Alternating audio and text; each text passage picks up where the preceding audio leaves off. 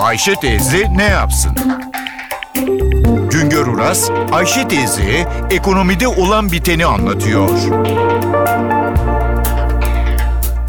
Merhaba sayın dinleyenler, merhaba Ayşe Hanım teyze, merhaba Ali Reza Bey amca.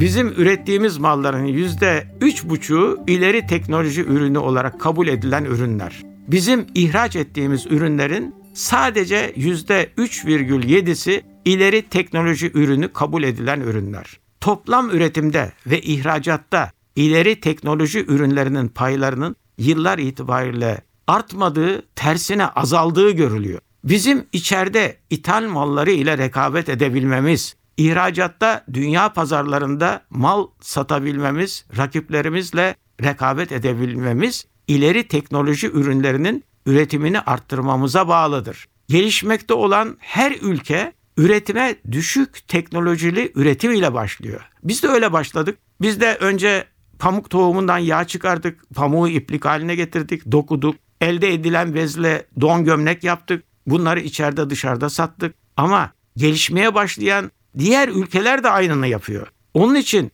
düşük teknoloji ürünlerde rekabet şansı yok. Mal bol, fiyat ucuz. İleri teknoloji ürünlerini üretebilmek için ise önce ülkenin eğitime, sonra bilime, daha sonra teknolojiye, araştırma ve geliştirmeye, yenilikçiye önem vermesi gerektiriyor. Üretim tesislerinin yüksek teknolojiyi geliştirecek, üretime dönüştürecek, kaliteli elemanları kullanabilecek büyüklükte ve güçte olması gerekiyor. Eğitime gereken ölçüde önem vermiyoruz. Bilime, teknolojiye önem vermiyoruz. İşletmelerimiz de iyi yetişmiş, ileri teknolojiyi geliştirecek ve üretime dönüştürecek elemanların sayıları az. Çünkü işletmelerimizin bu tür elemanları besleme gücü yok. İşte onun için üretimimizde orta ve düşük teknolojiye dayalı ürünler ağırlık taşıyor. Kalkınma Bakanlığı 2014 yılı programını yayınladı. Programda yer alan iki tablo Türkiye'deki üretim yapısının durumunu ortaya koyuyor.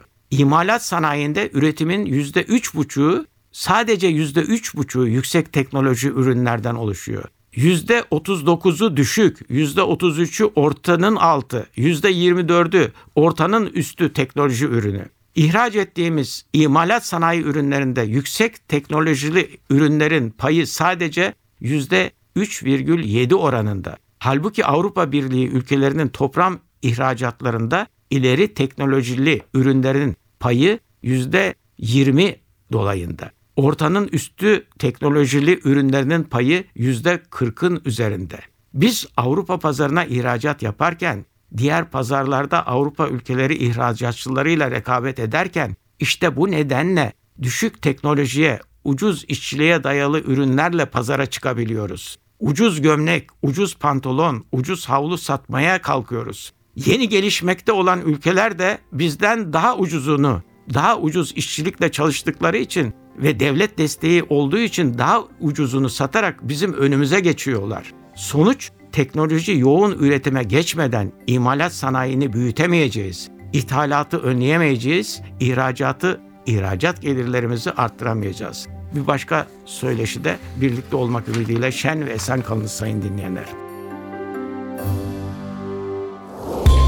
Güngör Uras'a sormak istediklerinizi ntvradio.com.tr adresine yazabilirsiniz.